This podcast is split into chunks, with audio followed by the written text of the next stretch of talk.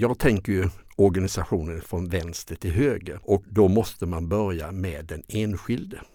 Sedan så kommer medarbetarna och all kvalitet i verksamheten avgörs ju hur det mötet blir.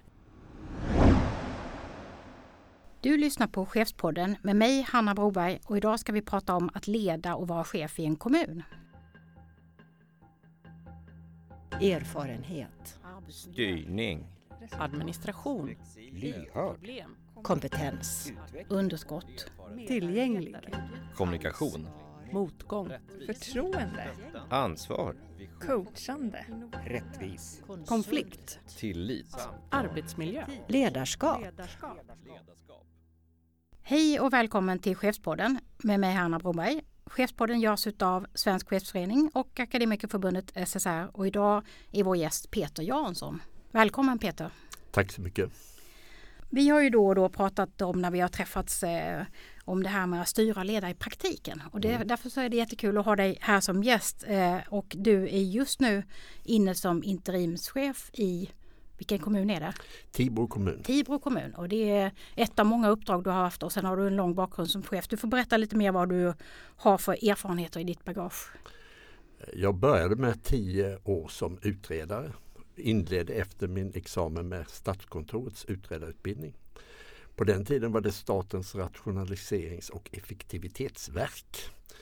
Kom till eh, socialtjänsten i Helsingborg eh, 78 alltså för 40 år sedan, för att göra en total omorganisation med det som då var modernt, nämligen sociala distriktsnämnder. Eh, var i revisions eh, i Lunds sjukvårdsdistrikt ett år för att sen börja på landstinget i Blekinge. Eh, där var jag tre år. Sedan så blev jag socialchef i Härnösand 88, alltså för 30 år sedan. Jag har även varit chef i Karlshamn och Ronneby. Eh, de sista tio åren har jag jobbat som främst interimschef. Så mitt nuvarande uppdrag är mitt tionde. Så det här med styrning och ledning har varit någonting som du har liksom varit fokuserad och intresserad av liksom hela din yrkeskarriär? Ja, och jag fick en väldigt fin start av detta i Härnösand. Dåvarande civilministern Bo Holmberg eh, hade startat några år tidigare ett så kallat serviceprojekt. Ja, det nämnde du när vi eh, kom in på tillitsdelegationen och ja. det arbete som har satt igång nu. Att du gjorde associationer tillbaka på 80-talet och det gjorde ju Ardalan Shekarabi också eh, och kom tillbaka till den serviceutredningen. Men, men vad var den och vad tänkte du om den då?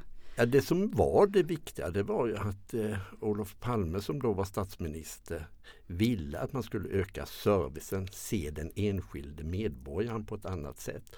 Och då kallade han ju dåvarande eh, landstingsrådet i Västernorrland som civilminister. Och han startade det här projektet. Eh, det som var fantastiskt det var ju att man följde det vetenskapligt. Eh, när jag kom till Härnösand så hade man gjort en nulägesbeskrivning med hjälp av statsvetare från Umeå med Benny Jern i spetsen. Eh, jag var med på två vetenskapliga utvärderingar. Men det viktiga var ju att man funderade på varför var man på jobbet och att möta medborgarnas behov och inte se det som myndighetsutövning. Även om det är det så kan man arbeta på ett annat sätt. Och det tycker jag man kan känna igen i, i den tillitsdelegation som, som har jobbat nu under eh, drygt ett år. Och de kommer ju tillbaka eh, eh med ett eh, betänkande nu i juni. Och eh, då har de ju också jobbat med forskare eh, och gjort, eh, varit ute i mm. försöksverksamheter där man har följt och ska, ska, redovisa det man har sett. Plus att man har tagit till sig mycket studier som finns av olika slag. Och sådär. Men, men det är lite kul för eh, vi är väldigt trendkänsliga säger du. Mm. Eh, och, och, frågan är då, en del kanske ser just det här uh, talet om ökad tillit som en ny trend. Men du drar det tillbaka till den här serviceutredningen. Det är kanske så att det är, är tankar som, som fanns då och som har kommit tillbaka. Det här att man ska sätta brukaren och mötet i fokus igen.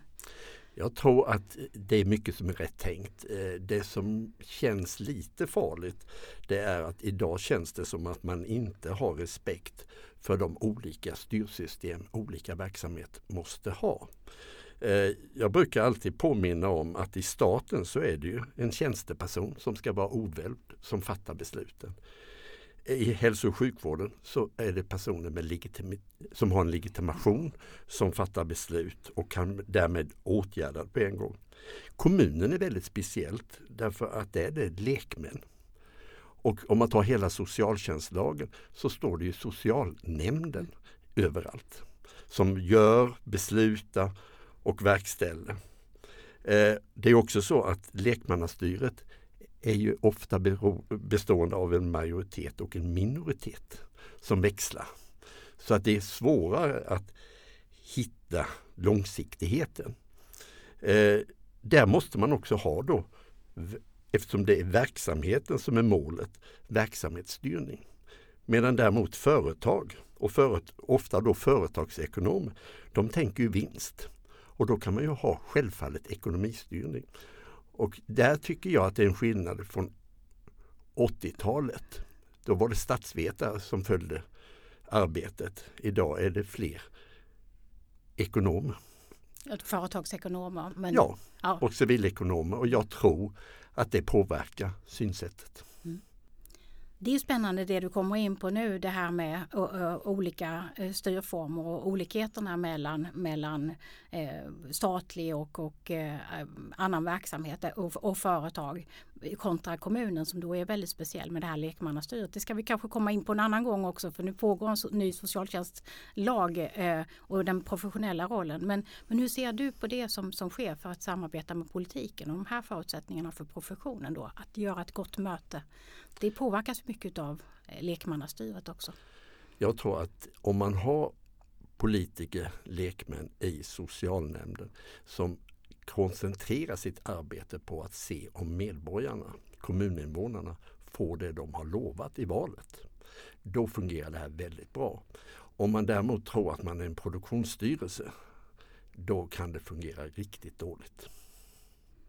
Du har ju ritat, eh, och där tycker jag också att det finns likheter med tillitsdelegationens synsätt ändå, men du har ritat din organisation som du säger från eh, höger till vänster. Du, du kom tidigt fram till att det är just det här mötet med brukaren eller patienten eller den äldre eller så som måste stå i fokus och sen så finns det profession och sen chefer och en massa administration och annan, annan eh, eh, verksamhet på, på den här liksom organisationsskissen hela vägen till politiken. Det är väldigt många led. Men, men du har, det var ditt fokus redan från början när du började din karriär och ditt yrkesliv att se det på det sättet? Nej, Nej. det var det inte. Utan det var en direkt konsekvens av arbetet med serviceprojektet i Härnösand. Därför att jag tror inte att det räcker att bara tänka vilken kultur vi ska ha, vilket förhållningssätt vi vill ha. Utan det måste få ett mer instrumentellt stöd. Eh, jag tänker ju organisationen från vänster till höger. Och eh, skälet till detta det är ju att vi läser på det sättet i Sverige. Och eh, då måste man börja med den enskilde. Det är huvudpersonen. Det är den man börjar med. Sedan så kommer medarbetarna och all kvalitet i verksamheten avgörs ju hur det mötet blir emellan den enskilde och medarbetarna. Sen för att styra det så måste vi ha chefer. Eh, jag har valt att med den terminologi vi använde på 90-talet säga att cheferna har ett integrerat ansvar för verksamhet, ekonomi, personal och arbetsmiljö. Ett så kallat VEPA-ansvar. Och till min glädje så vet jag att det finns andra kommuner som använder det begreppet idag. Men hur ser det då ut i praktiken? För jag tänker mig att, att eh, eh, medarbetaren som då möter brukaren och har fokus där och om all sin kunskap och också när vi pratar allt mer om brukarinflytande och så. Där försöker man få till en, en väldigt god insats för en människa i, i kris och med, med, med de behov som finns.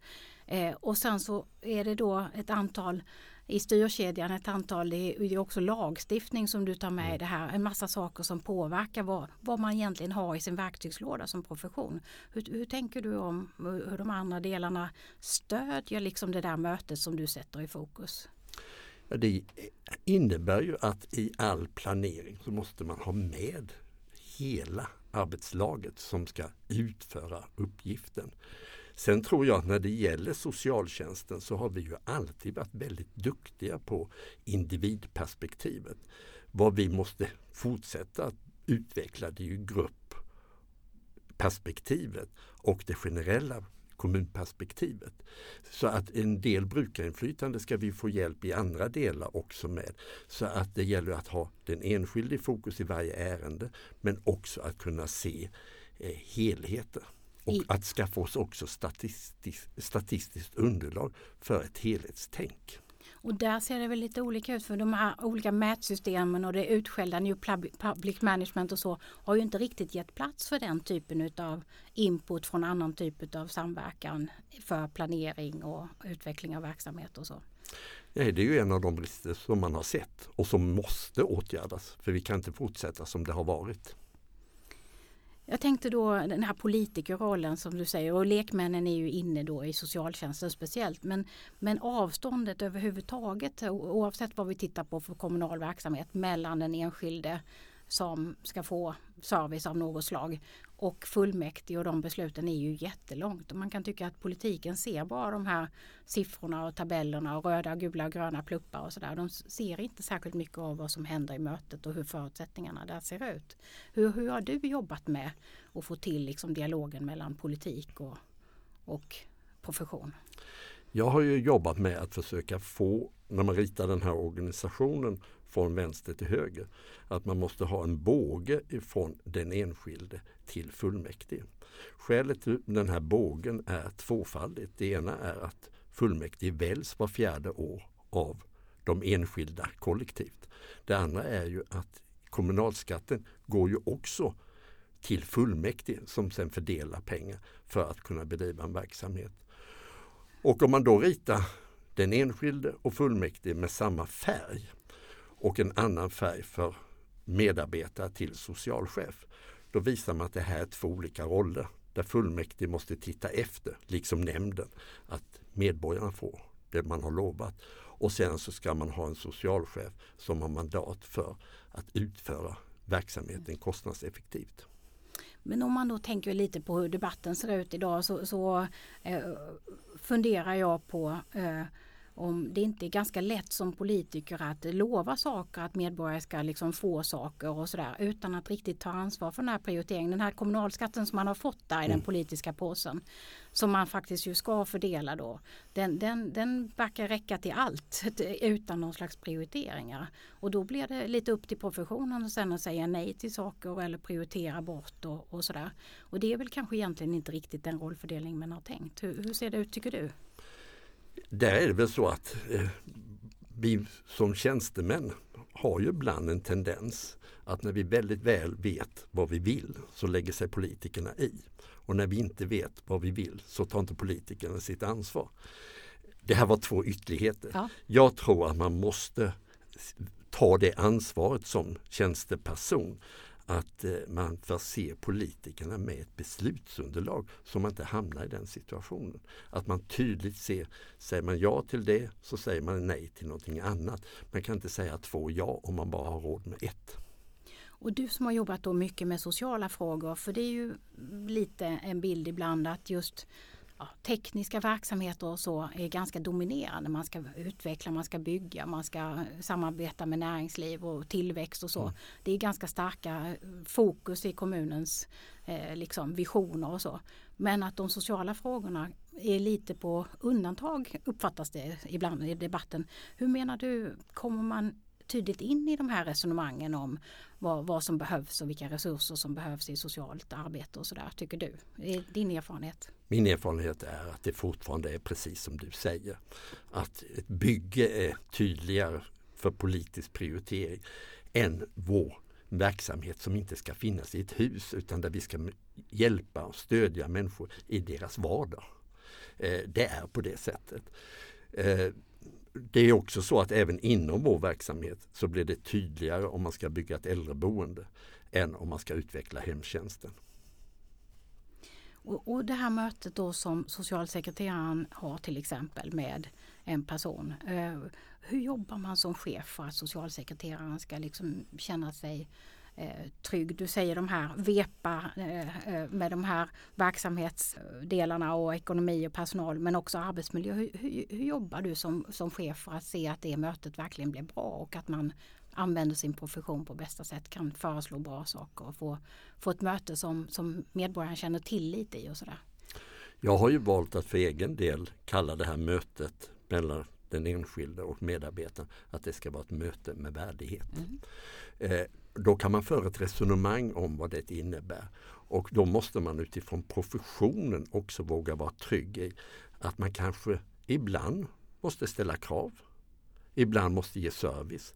Man måste kunna skilja på möten av kortsiktigt och långsiktiga effekter. Men det är ju den professionen varje enskild socialsekreterare måste ha och våga känna att man står för den. För man har en stor profession. Du har ju varit inne i många kommuner och nu är du inne som interimschef i olika sammanhang och så. Jag funderar på en del utav styrningen. Vi pratade om att lagstiftning och så också finns men med det är också tillsynen och det kommer också bli en del utav tillitsdelegationen. Man talar om en mer lärande tillsyn. Hur uppfattar du att det påverkar den här liksom, kedjan som vi har pratat om nu mellan liksom, ja, politik och till profession och mötet med brukaren? Jag tror att det är rätt tänkt men vad vi i kommunerna måste bli otroligt mycket bättre på i första hand det är att faktiskt lära av de andra 289. Eh, är det någonting som har frapperat mig som ändå har varit i ganska många kommuner det är att grannkommunen aldrig kan göra någonting bra. Nej, det är konstigt va? Det är fruktansvärt konstigt och jag tror att få den, den dialogen är viktigare än att vi har en ny etikett på hur tillsynen ska vara. Och, och, så tävlar man lite grann om att ha uppfunnit vissa modeller och vill sprida mm. dem och sådär. Men, men, man är dålig på att titta och hjälpas åt i regionalt eller lo lokalt eh, grannkommuner emellan i din uppfattning? Ja, ja. tyvärr. Ja. Nej, men det, är, det är nog en, en klassiker. Jag, mm. jag, kan känna igen den också från att man när man har varit eh, aktiv i Stockholm då åker man gärna till Malmö kan man titta men man mm. åker inte till Sundbyberg eller till Södertälje eller sådär. Mm. Det är liksom lite för nära. Så då ja. frågan är om de har gjort något bra. Liksom. Den kommun där jag är idag, Tibro, ska mm. åka på studieresa till Trelleborg. Oj, ja. ja. man måste ju iväg en liten bit för att man ska kunna lära sig någonting. Så lära sig me mellan kommuner, inte bara i tillsynen i din uppfattning också ja. är viktigt. Mm. Sen tror jag också att kommunerna idag med den flexibilitet vi har i samhället måste kunna samverka bättre.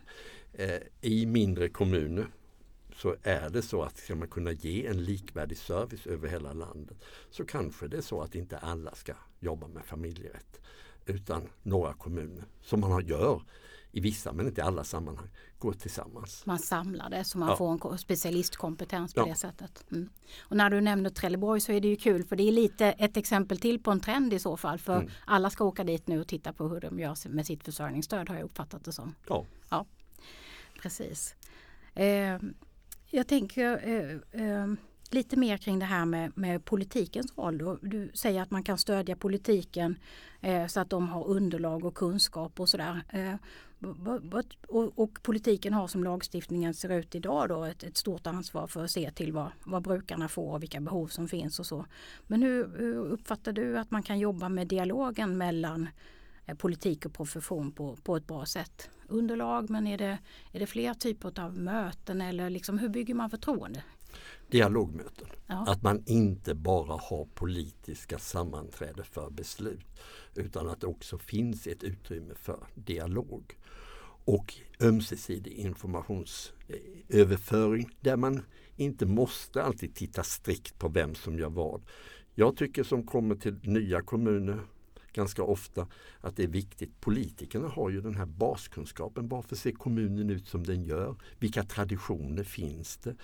Eh, och jag har med mig erfarenheter från andra kommuner och detta bör man ha en dialog om. Kanske sammanträde utan beslutspunkter. Mm. Du har ju varit i då flera kommuner och, eh, och som interimschef så kommer du in då när det kanske också har varit lite kris. Det är ganska stor chefsomsättning i kommunerna mm. idag. Och då kommer du in som en, en eh, liksom hjälte och eh, ansvarig under en period innan de har hittat någon ny lösning. Hur, hur påverkar det kommunerna idag och organisationerna att det ser ut som det gör? Vad händer när du kommer in? Du sa hjälte, man kan ju Ja. också uppfattas som en buse. Ja, så kan det vara. Och eh, det är väl det som jag tror är viktigt det är ju att som interimschef att veta att man har ledningens förtroende. Sen är det ju interimschefens eget uppdrag att skapa förtroende bland medarbetarna. Eh, jag har de sista uppdragen och det är ju någonting jag har lärt mig efterhand. Fyra frågor som jag ställer till alla medarbetare som jag ska vara chef för. Och det kan ju då vara andra chefer eller direkt socialsekreterare. Och de fyra frågorna är hur man ser på mitt uppdrag under det antal månader jag har. Eh, hur man ser på verksamheten. Den frågan är ganska avslöjande om man ser den enskilde eller det interna arbetet. Den tredje frågan är vilka möjligheter och hinder man ser för uppdraget, för verksamheten. Och den fjärde är vad kommer du själv att bidra med? Jag tror att det är väldigt viktigt att se att en interimschef är inte någon som kommer och löser någonting eller busar till det. Eh, utan att det är någon som är där för att under en övergångstid se till att medborgarna får det man har lovat. Det låter som ganska klassiska frågor för vilken chef som helst oavsett hur lång tid man är inne. Ja, Ja. men jag tror att man fuskar där. Mm. Och jag kallar de här samtalen för kortsamtal. De får ta max en kvart. Och de ska ske på en vecka och sen återredovisas till medarbetarna i ett forum där alla är med. Om vi funderar lite grann på tillitsdelegationen så som de kommer göra eh, en del rekommendationer kring hur man skulle kunna jobba mer med tillit och få till det här mötet eh, med brukaren på ett bra sätt och, och dialoger och mycket annat som vi, vi tycker eh, skulle vara bra. Men, men om du tänker på när man nu kommer ut med detta och ska arbeta mer tillitsbaserat. Vad kommer, vad kommer att hända i verksamheten i praktiken tror du? Hur, alltså för, för många börjar prata om att vi ska arbeta mer tillitsbaserat och sådär. Men, men som chef, hur börjar man leda på ett annat sätt då? Tror du att eh, man kommer att kavla upp ärmarna och säga ja, nu börjar vi jobba mer med tillit och så jobbar man på ett helt annat sätt om, om ett år eller två? Eller vad, vad, vad tänker du om det? Jag hoppas att det leder någonstans. Risken är att det blir vackra ord som man ställer in i bokhyllan. Det är risken. Eh, det som jag tror man i alla sådana här sammanhang måste göra det är att varje arbetsplats måste med de här tankarna göra en aktivitetsplan. Hur jobbar vi mer med tillit? Och det handlar ju då om två typer av tillit. Ett gentemot den enskilde som vi är till för. Eh, det andra är ju att ska man kunna göra det tillitsfullt så måste man ju också jobba med tillit internt i hela vägen mellan alla led. Det finns ju en fördel till med att eh, rita organisationer som jag gör. Det är att man tar bort hierarkin. Det fanns ju en tag om man skulle riva pyramiden eller vända pyramiden. Jag tror man måste ta bort pyramiden. Eh, jag märker bara en sån sak att eh, om man har det vanliga sättet att se på organisation så kan lätt en chef föra ner information. Ritar man som jag så måste man föra ut den. Och det har betydelse för att skapa den här tilliten. Och det är här jag tycker att det jag hittills har sett av delegationens arbete inte går tillräckligt djupt utan det är vackert. Väldigt vackert. Men vad betyder det i praktiken? Du menar eh, lite mer på djupet i hur man ska jobba Ja. med att föra ut och vad som händer där ute i, Mm. i de diskussionerna och så. Ja. Och, och, och vad tror du att man skulle kunna ge för rekommendationer? Jag tänker dels är de 290 kommunerna rätt olika var man befinner sig och eh, historia som du säger som man måste ta Mm. reda på när man kommer in som ny chef och så. Eh, så det kanske kommer också se olika ut hur man faktiskt tar sig an det här då och att det Mm. skiljer sig rätt mycket från verksamheterna inom en kommun hur man Mm. jobbar. Jag tror att det är en väldigt viktig part i det här sammanhanget. Det är Sveriges kommuner och landsting. Mm. Om inte de tar, tar, konkret tar tag i det så blir det ytterligare en vacker bok. För förutsättningarna ser så olika ut Ja. hur man ska jobba med det. Och det här med att statliga utredningar tittar på kommuner har jag ingenting emot. Men om inte SKL hjälper till med att göra det konkret så kommer det inte bli något. Och då kommer vi hoppas på ett antal sådana här ja, utvecklingsprogram och lärandeprogram och att man kanske besöker varandra då i nätverk mellan Mm. kommuner kring hur man jobbar med tillit också. Ja. Det skulle väl vara en, en bra tanke. Och kanske gärna med grannkommun. Ja, sådär. Så lärande eh, mellan kommunerna även när det gäller tillit och utveckla styrningen. Mm.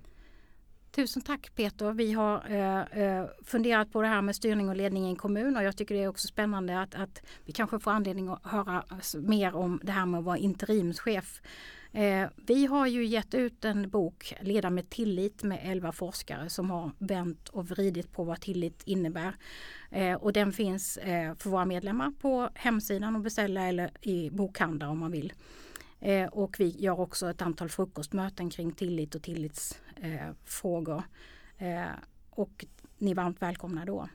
Så tusen tack till dig eh, Peter och, eh, eh och Chefspodden kommer tillbaka om ett par veckor igen. Tack själv och eh, jag kan varmt rekommendera boken leda, Att leda med tillit.